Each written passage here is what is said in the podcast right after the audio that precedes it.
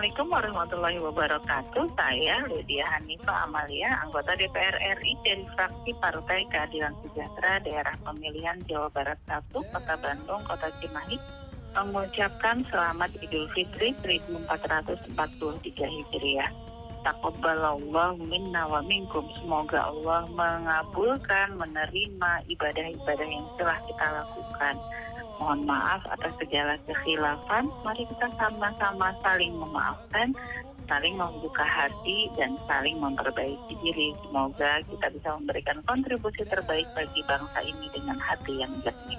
Assalamualaikum warahmatullahi wabarakatuh.